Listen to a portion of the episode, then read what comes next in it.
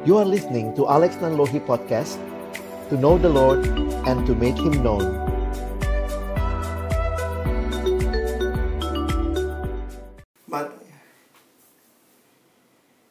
Mari kita berdoa sebelum kita membaca merenungkan firman Tuhan.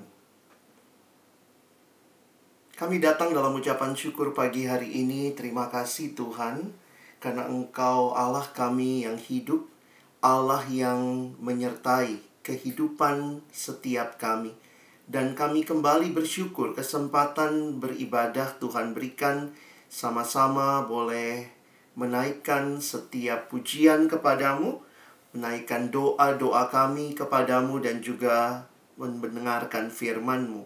Kami mohon ya Tuhan, waktu kami membuka firman-Mu, bukalah juga hati kami. Jadikanlah hati kami seperti tanah yang baik, supaya ketika benih firman Tuhan ditaburkan boleh sungguh-sungguh berakar, bertumbuh, dan juga berbuah nyata di dalam kehidupan kami. Berkati baik hambamu yang menyampaikan firman, setiap kami yang mendengar firman Tuhan tolonglah kami semua, agar kami bukan hanya jadi pendengar-pendengar firman yang setia, tapi mampukan dengan kuasa pertolongan dari rohmu yang kudus, kami dimampukan menjadi pelaku-pelaku firman-Mu di dalam hidup kami. Bersabdalah ya Tuhan, kami anak-anak-Mu sedia mendengarnya. Dalam satu nama yang kudus, nama yang berkuasa, nama Tuhan kami Yesus Kristus, kami menyerahkan pemberitaan firman-Mu. Amin. Shalom teman-teman, selamat pagi. Kita bersyukur kepada Tuhan memasuki uh, minggu Advent yang pertama ya, gereja memulai uh, kalender gerejawi dimulai dengan minggu Advent. Dan kesempatan ini juga saya bersyukur kalau kita sama-sama boleh masuk dalam kesempatan minggu Advent sama-sama merayakan uh, apa yang kita lihat ke belakang, apa yang Tuhan sudah nyatakan ketika dia datang 2000 tahun yang lalu tapi juga menjadi antisipasi kita menyambut kedatangannya untuk kali yang kedua. Jadi, dalam gereja ada banyak bagian yang kembali dibaca, direnungkan berkaitan dengan melihat ke belakang dan mengantisipasi ke depan. Pagi hari ini, bagian firman Tuhan yang akan saya uh, ajak kita pikirkan sama-sama melanjutkan apa yang menjadi bagian dari persekutuan doa kita ya persekutuan doa staff dengan judul yang saya berikan Bad Start New Beginning. Ya, uh, teman-teman yang dikasihi Tuhan, coba lihat sebentar gambar ini, ya. Ini mungkin teman-teman pernah uh, melihat gambar ini, bisa di zoom in, di zoom out. Ini ngelihatnya dari mana ini? Lihat dari atas atau lihat dari bawah? Coba lihat gambarnya ya. Ini lihat dari atas atau lihat dari bawah? Silakan boleh jawab. ilusi. Ruben langsung ya, ilusi optik. Jadi berarti masalah mata kita dong. Dari bawah ya Oce ya. Oke. Bisa atas, bisa bawah. Kata Nando dari bawah juga. Dari bawah Owin, dari bawah Bayu, atas dan bawah. Riko ya Maruko ya. Sekalian dua-duanya. Baik uh, dari bawah. Siapa nih Palembang bisa Seki bisa Okta? Baik teman-teman uh, tinggalkan dulu gambarnya ya. Kita akan lihat bagian yang akan menjadi perenungan kita. Satu raja-raja pasal yang ke-12 kita akan membaca ayat yang pertama sampai dengan ayat yang ke-24 nah teman-teman Secara khusus bagian ini bisa dibagi dua bagian besar kalau kita perhatikan ya. Saya nanti akan mencoba membaginya dalam dua bagian karena itu waktu nanti kita membaca tolong perhatikan ya bahwa bagian pertama ayat 1 sampai ayat yang ke-15 lalu nanti bagian kedua ayat 16 sampai ayat yang ke-24 ya. Jadi bagian pertama ayat 1 sampai 15, lalu bagian kedua ayat 16 sampai 24. Mari kita lihat ayat ini bersama-sama. saya sudah tuliskan di screen, jadi nanti kalau teman-teman uh, apa mau melihat di screen juga bisa ya. Kemudian Rehabeam pergi ke Sikem sebab seluruh Israel telah datang ke Sikem untuk menobatkan dia menjadi raja. Segera sesudah hal itu kedengaran kepada Yerobeam bin Nebat pada waktu dia pada waktu itu dia masih ada di Mesir sebab ia melarikan diri ke sana dari hadapan Raja Salomo maka kembalilah ia dari Mesir. Orang menyuruh memanggil dia Lalu datanglah Yerobeam dengan segenap jemaah Israel dan berkata kepada Rehabeam, Ayahmu telah memberatkan tanggungan kami, maka sekarang ringankanlah pekerjaan yang sukar yang dibebankan ayahmu dan tanggungan yang berat yang dipikulkannya kepada kami, supaya kami menjadi hambamu. Tetapi ia menjawab mereka, Pergilah sampai lusa, kemudian kembalilah padaku, lalu pergilah rakyat itu. Sesudah itu Rehabeam meminta nasihat dari para tua-tua yang selama hidup Salomo mendampingi Salomo, ayahnya. Katanya, apakah nasihatmu untuk menjawab rakyat itu? Mereka berkata, jika hari ini engkau mau menjadi hamba rakyat, mau mengabdi kepada mereka dan menjawab mereka dengan kata-kata yang baik, maka mereka menjadi hamba-hambamu sepanjang waktu. Tetapi ia mengabaikan nasihat yang diberikan para tua-tua itu, lalu ia meminta nasihat kepada orang-orang muda yang sebaya dengan dia dan yang mendampinginya, katanya kepada mereka, "Apakah nasihatmu?"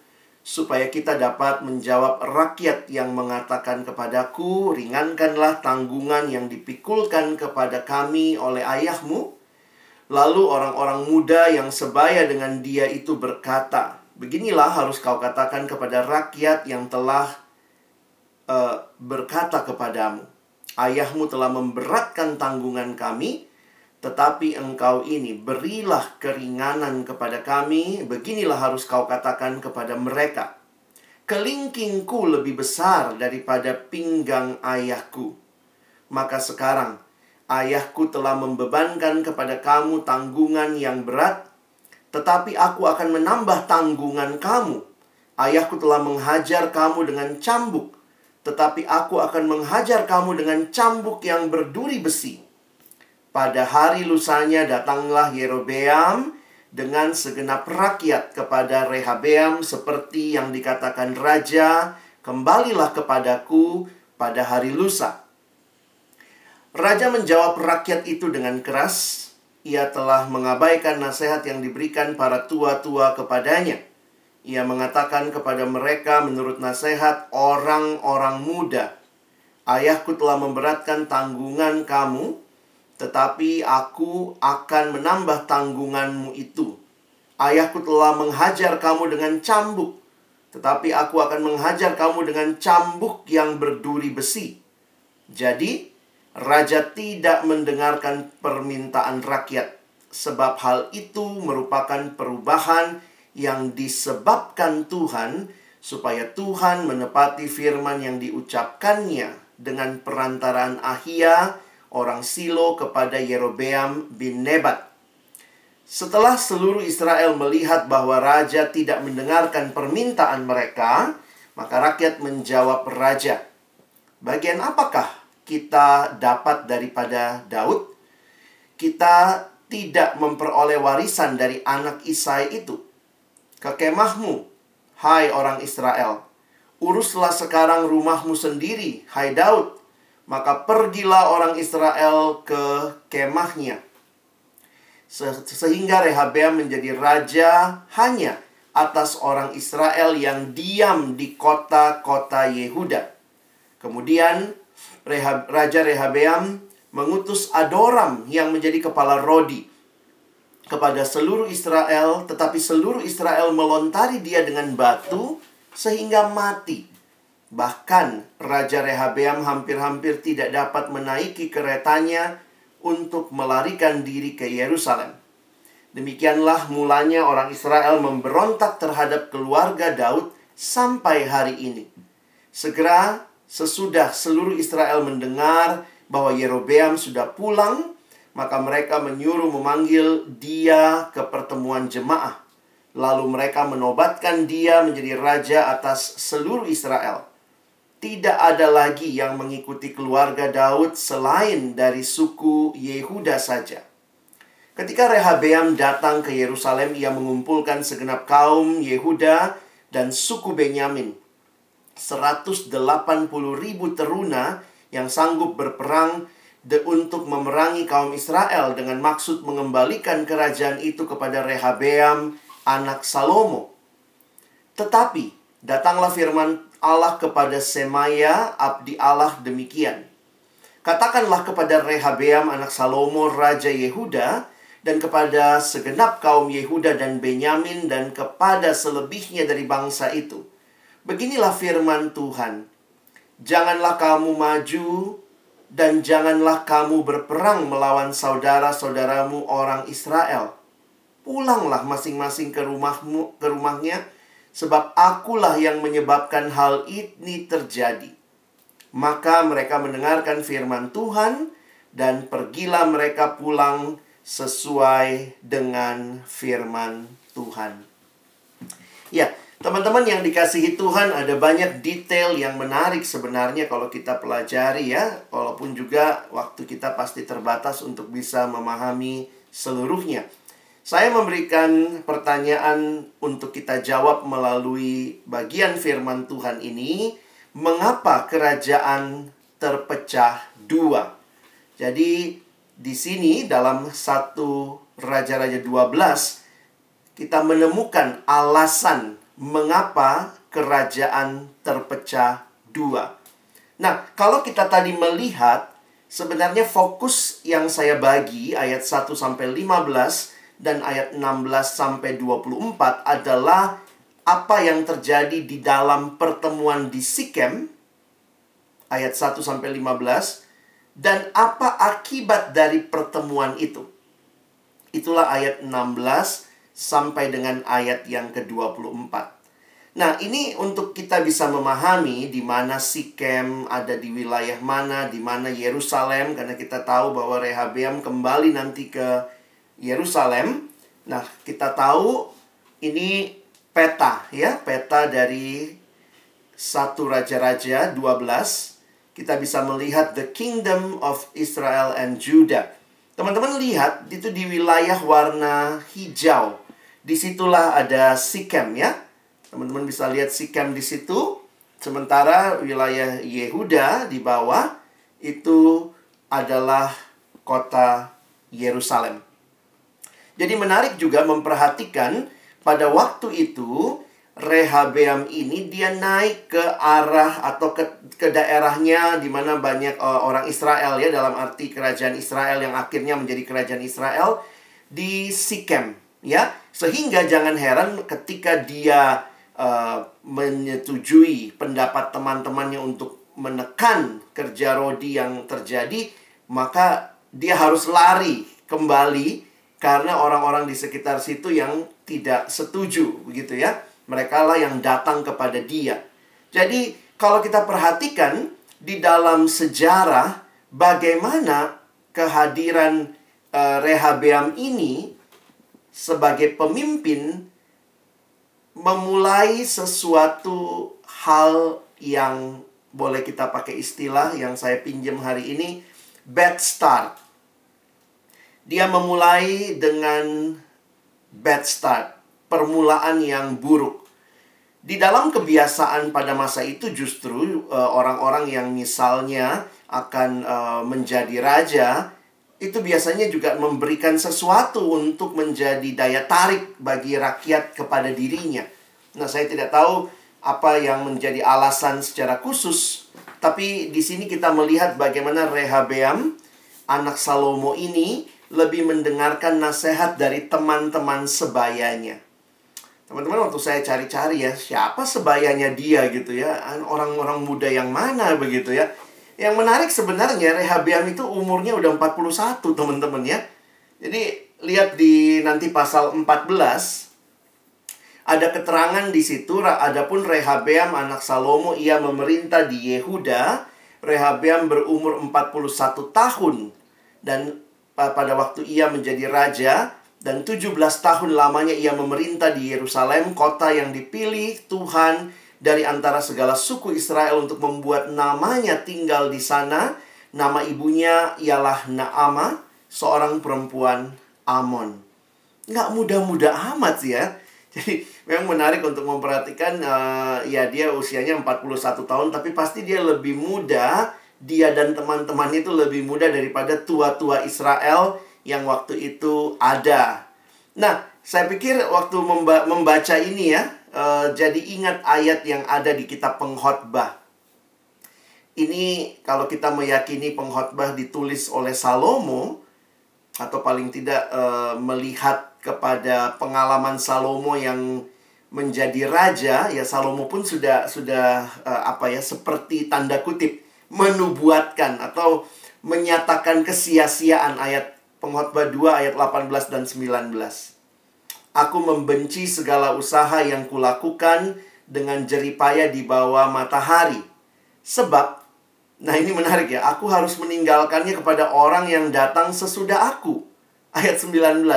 Dan siapakah yang mengetahui apakah orang itu berhikmat atau bodoh?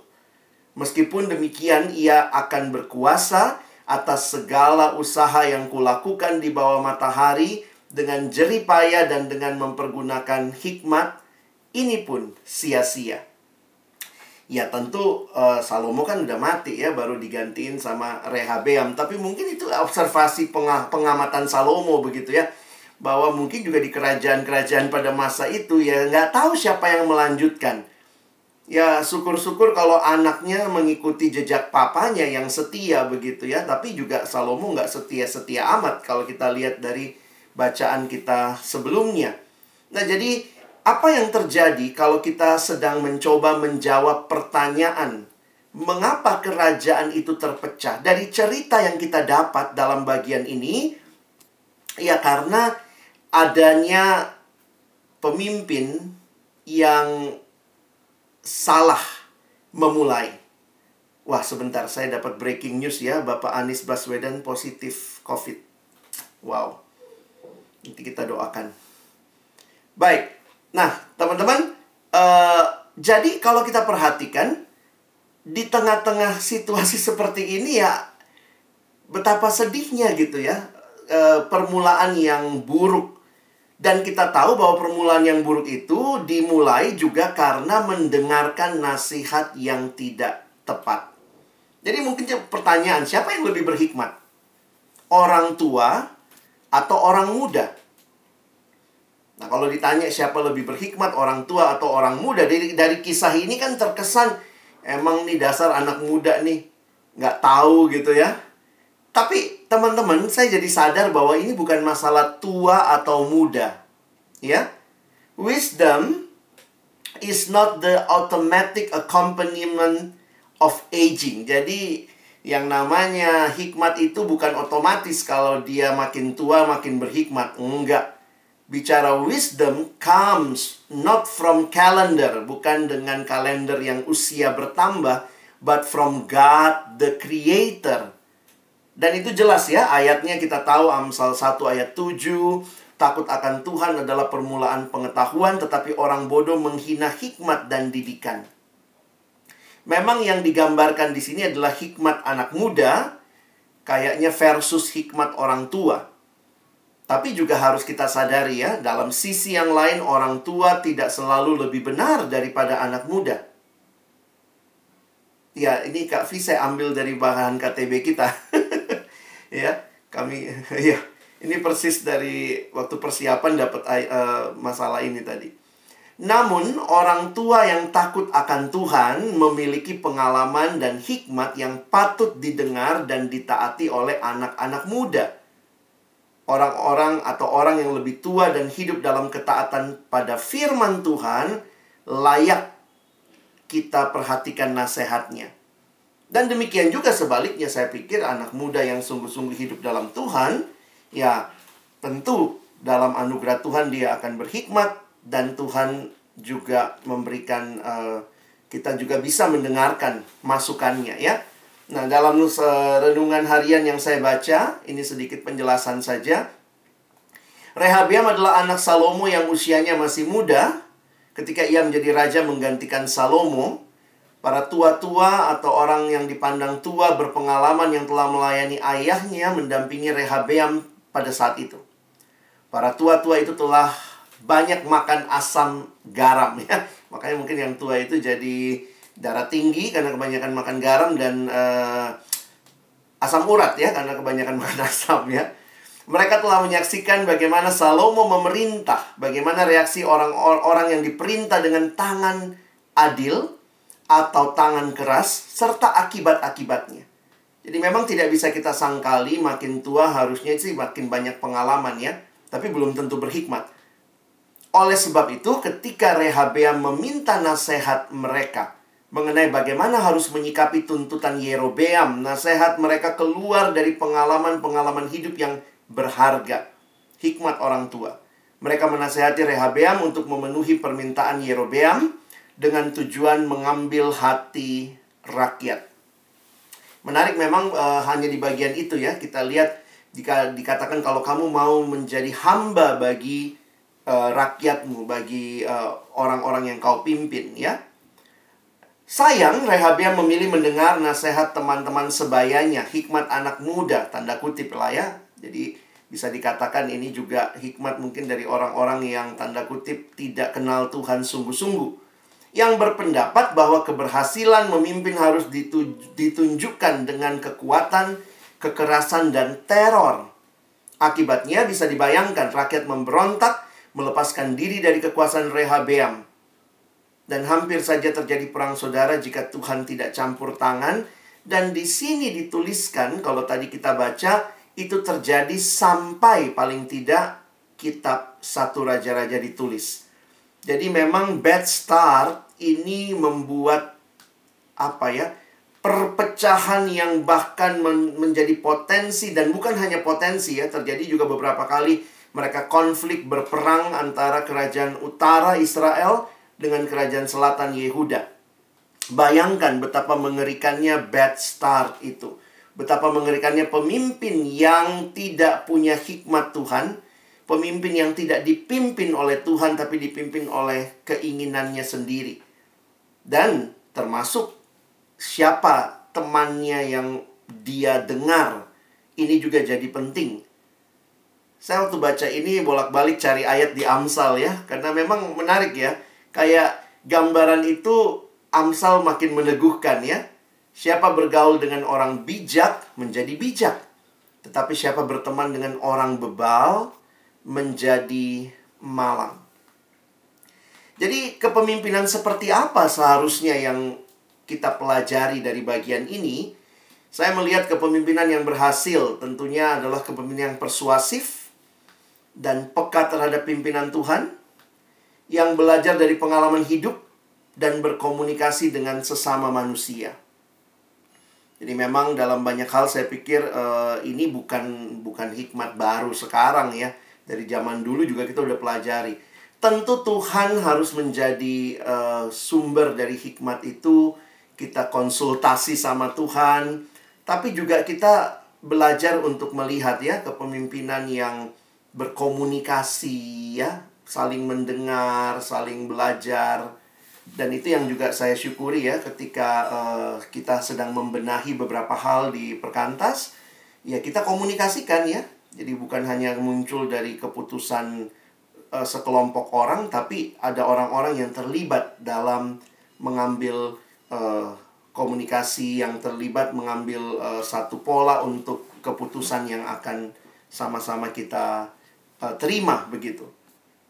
Jadi secara sederhana kalau kita lihat ceritanya teman-teman, maka kalau ditanya mengapa kerajaan terpecah dua ya karena manusia ini manusia yang khususnya pemimpin yang tidak dipimpin oleh Tuhan, pemimpin yang tidak bergaul dengan orang-orang yang benar, ya karena itu bad start.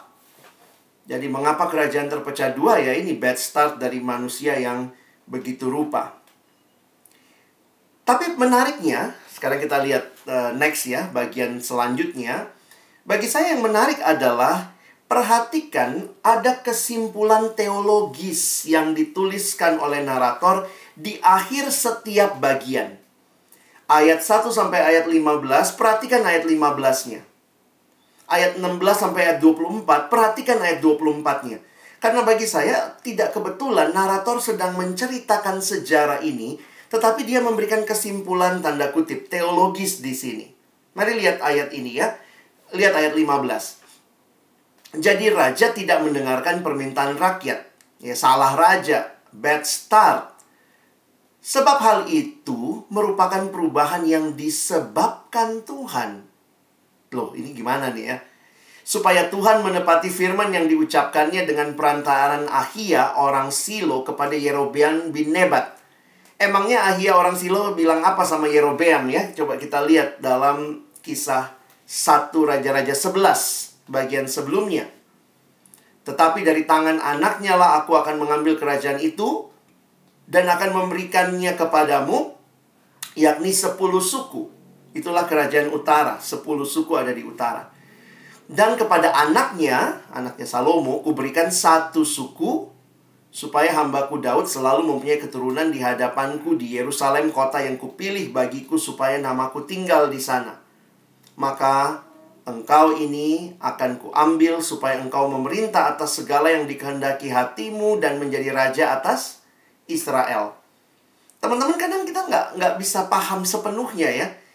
Ini kenapa nih ya? Tuhan janji seperti ini jadi kesimpulan teologis yang diberikan di ayat 15 setelah cerita bagaimana anak muda ini nggak dengar nasihat dia mau jadi yang lebih berkuasa dari papanya sampai dia bilang kelingkingku aja nggak sebesar pinggang bapakku tuh kurang ajar banget gitu ya menunjukkan bahwa dia lebih berkuasa dan seterusnya. Tapi Alkitab mencatat, narator menceritakan bahwa ini disebabkan Tuhan. Dan saya pikir banyak narasi di perjanjian lama yang menggambarkan seperti ini. Nah di ayat 24 kalau teman-teman perhatikan juga kalimatnya menarik tuh. Beginilah firman Tuhan, jadi masih ingat waktu uh, pulang kan uh, Rehabeam marah juga, gila saya nggak didukung dia pulang, dia hitung semua orang ya. Dia ada suku Yehuda dan Benyamin yang pro sama dia, dua suku di selatan, itulah kerajaan Yehuda. Lalu dia hitung berapa jumlahnya, lalu maunya maju perang. Tapi lihat, Tuhan intervensi. Beginilah firman Tuhan melalui nabi itu ya. Janganlah kamu maju dan janganlah kamu berperang melawan saudara-saudaramu orang Israel. Pulanglah masing-masing ke rumahmu, ke rumahnya. Sebab akulah yang menyebabkan hal itu terjadi. Sebenarnya bagi beberapa uh, kita yang baca cerita ini, unik juga ya. Uh, ketika di atas, Rehabiam dengar nasihat, dia nggak mau dengar. Dia tetap mau yang lebih keras, lebih keras. Tapi waktu dengar nasihat ini dia dengerin ya. Makanya nggak jadi maju ya. Jadi makanya mereka mendengarkan firman Tuhan. Tentu yang mendengarkan ini kan bukan cuma rakyatnya ya, tapi pasti pemimpinnya yaitu Rehabeamnya. Jadi memang ini uh, surprisingly kita juga kaget juga. Wow, tadinya dia tuh kayak pokoknya saya tekan kamu semua. Kalau lihat karakter dia seperti itu, tapi ketika datang nabi ini lalu bicara, maka mereka mendengarkan firman Tuhan dan pergilah mereka pulang sesuai dengan firman Tuhan itu. Nah, paling tidak tidak terjadi apa yang mereka pikirkan, mereka rencanakan, walaupun di kemudian hari tetap sampai kitab raja-raja ditulis, kerajaan tetap terpisah. Karena bad start tidak membuatnya kembali bersatu. Tapi kembali di bagian ini, penulis, narator memberikan buat kita satu cara membaca sejarah yang menarik. Wah ini bagi saya sangat menarik untuk memperhatikan mengapa kerajaan terpecah dua. Sama kayak tadi lah ya, kita juga bisa lihat ya karena manusianya. Tapi juga di satu sisi ya karena Allah punya rencana. Allah punya kehendak. Ayo lihat lagi, ini dari atas sampai dari bawah gitu ya. Nah mungkin seperti yang tadi di awal selalu ada ya yang Riko bilang ya dua-duanya dari atas bisa, dari bawah bisa. selalu ada dua sisi cara melihat.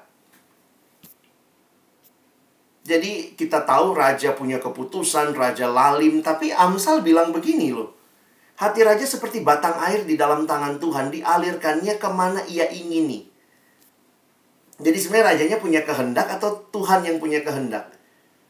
Saya tetap meyakini kehendak Tuhan, rencana Tuhan tidak meniadakan atau menindas kebebasan kita sebagai manusia yang punya pilihan. Tapi cara membaca sejarah ini yang bagi saya menarik karena nampaknya ketika penulis menceritakan satu Raja-Raja 12, dia tidak hanya sedang menceritakan sejarah kegagalan Rehabeam, tapi dia sedang menceritakan bahwa pada saat yang sama kehendak Tuhan sedang terjadi. Dan ini menarik lah kalau teman-teman pikirkan ya, karena Tuhan bilang, Tuhan yang kasih loh sama Yerobeam. Aku akan kasih sepuluh sama kamu. Tapi ingat, Yerobeam tuh orang Efraim.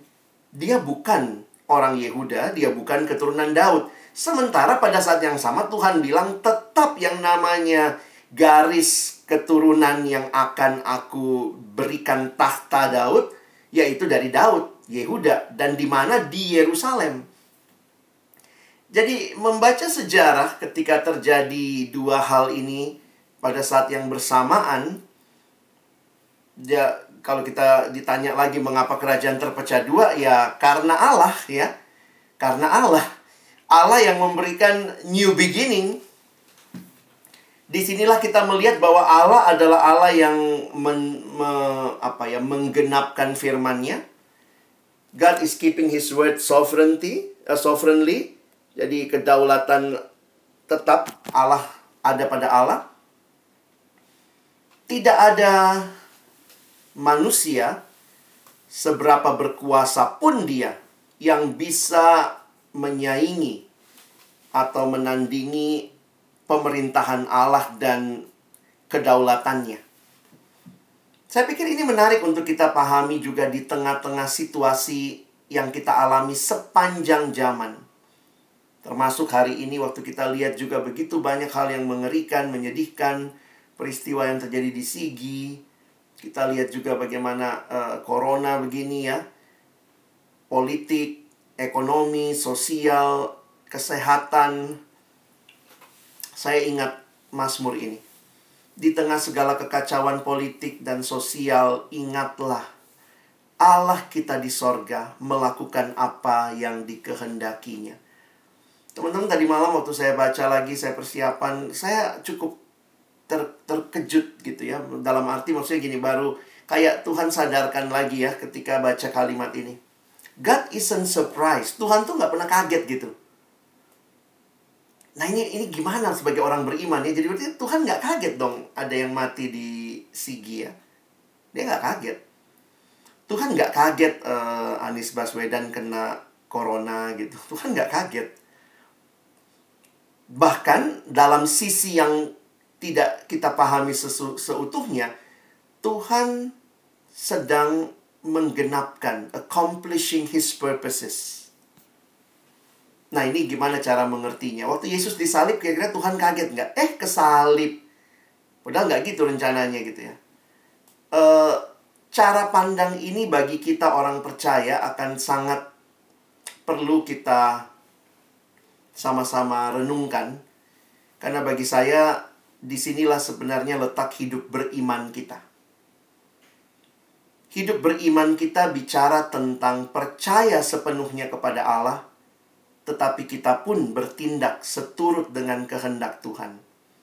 Jadi teman-teman, kalau kita memisahkan sebentar ya, tentu sulit sekali dipisahkan, tapi kalau kita memisahkan maka selalu ingat yang teman-teman dan saya punya tanggung jawab adalah pilihan-pilihan kita. Soal kemudian dalam anugerah Allah pilihan kita akan dipakai Tuhan, dibuat Tuhan menggenapkan rencananya, itu urusannya Tuhan. Tapi bagian kita selalu ingat, jangan jadi orang seperti Rehabeam misalnya ya jadi tetap dosa Rehabian ya dosa gitu ya. Bad start it's a bad start. Soal di dalam anugerah Allah kemudian Allah menggenapkan rencananya yang indah. Itu di luar kemampuan kita berpikir, tapi kita meyakini bahwa and all the best and worst of man cannot change the master's plan. Kadang-kadang kalau kita berat sebelah, wah ini nggak bisa mengubah mau baik dan buruk, nggak bisa mengubah rencana Tuhan. Kalau gitu nggak apa-apa buruk-buruk aja kan nanti rencana Tuhan tergenapi. Saya pikir itu berarti kita nggak mengerti. Cara kita mengerti keseimbangan ini adalah tetap belajar untuk hidup di dalam kehendak Tuhan. Belajar untuk taat kepadanya karena setiap pilihan-pilihan yang kita buat di dalam ketaatan kita itu menjadi cara Tuhan juga menggenapkan rencananya. Tapi di luar itu pun, ketika ada orang-orang yang jahat yang memilih tidak taat kepada Tuhan, Allah sanggup membawa hal yang paling buruk di dalam sejarah menjadi kebaikan yang paling besar. Itu terbukti di kayu salib kan? Tentu dalam kayu salib kita tidak berterima kasih sama Yudas. Thank you ya udah jual Yesus ya. Tetap Yudas salah. Pilihan menjual Yesus pilihan yang diambil Yudas dari pilihan yang sebenarnya dia bisa lakukan yang lain. Di dalamnya Allah menggunakan pengkhianatan Yudas menjadi keselamatan bagi seluruh dunia, tetap bukan Yudas yang menjadi pahlawannya. Jadi jangan berlindung di balik rencana Allah, kehendak Allah untuk menikmati hidup dalam ketidaktaatan. Bagi kita, belajarlah di dalam ketaatan. Terus mengikut Tuhan. Jadi mengapa kerajaan terpecah dua? Ini kalau yang belajar homiletik sama saya ya, ini subjeknya. Mengapa kerajaan terpecah dua? Kalau subjeknya mengapa? Jawabnya karena ya. Pertama karena kesalahan manusia, yang kedua karena kehendak Allah. Karena kesalahan manusia maka manusia harus bertobat. Tapi karena kehendak Allah, maka percayalah bahwa apa yang mungkin masih kabur buat kita itu sanggup dibuat Allah indah pada waktunya. Bad start according to us. Tapi it's a new beginning di dalam anugerah Tuhan. Sebenarnya 2000 tahun yang lalu ada peristiwa yang juga terjadi yang sulit kita pahami di satu sisi kenapa Yesus mati. Oh, karena dosa kita. Yes, karena dosa kita. Tapi mengapa Yesus mati?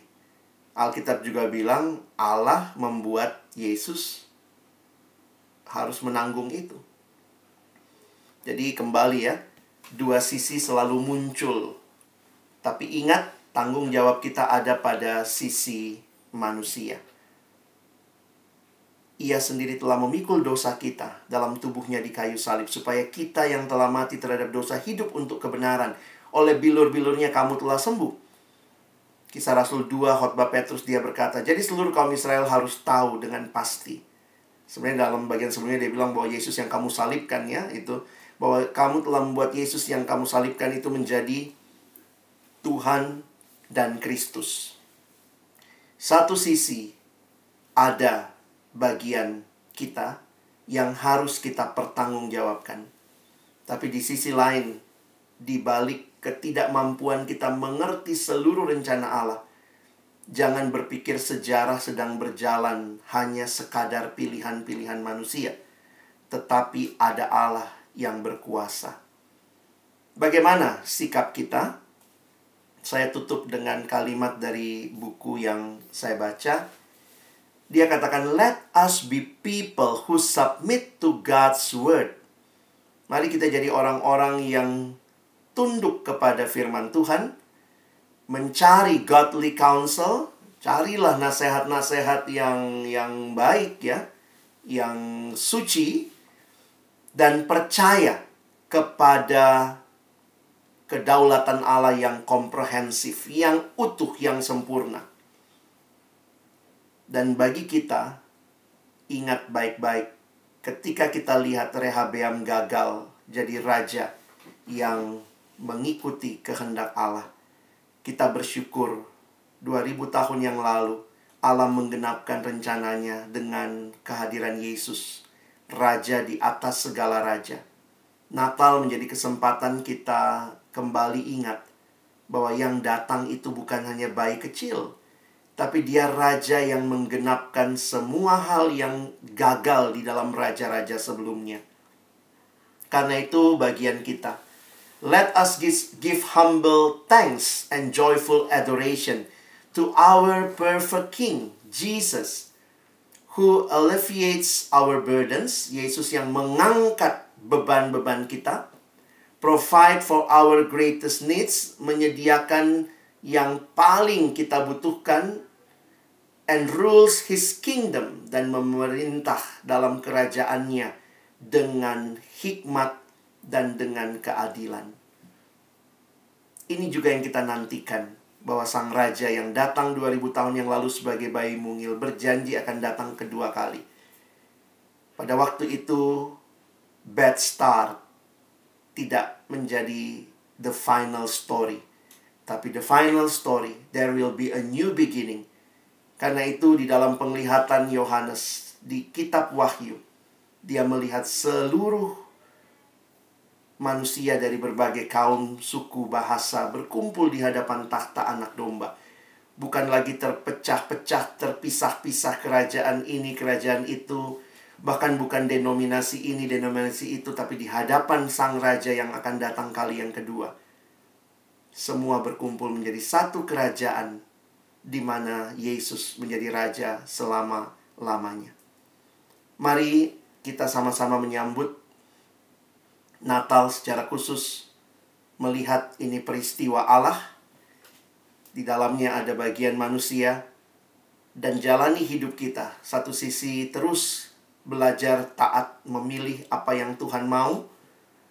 Tapi di sisi yang lain ingatlah bahwa dia Allah yang berkuasa dan cerita akhirnya kita tahu.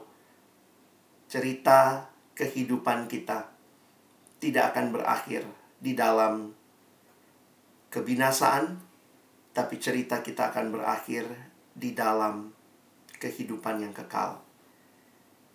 Kiranya Tuhan menolong kita bukan cuma jadi pendengar, tapi jadi pelaku-pelaku firman. Amin. Saya boleh minta kesediaan Kak Vivi ya, boleh tutup dalam doa untuk perenungan kita. Mari kita berdoa.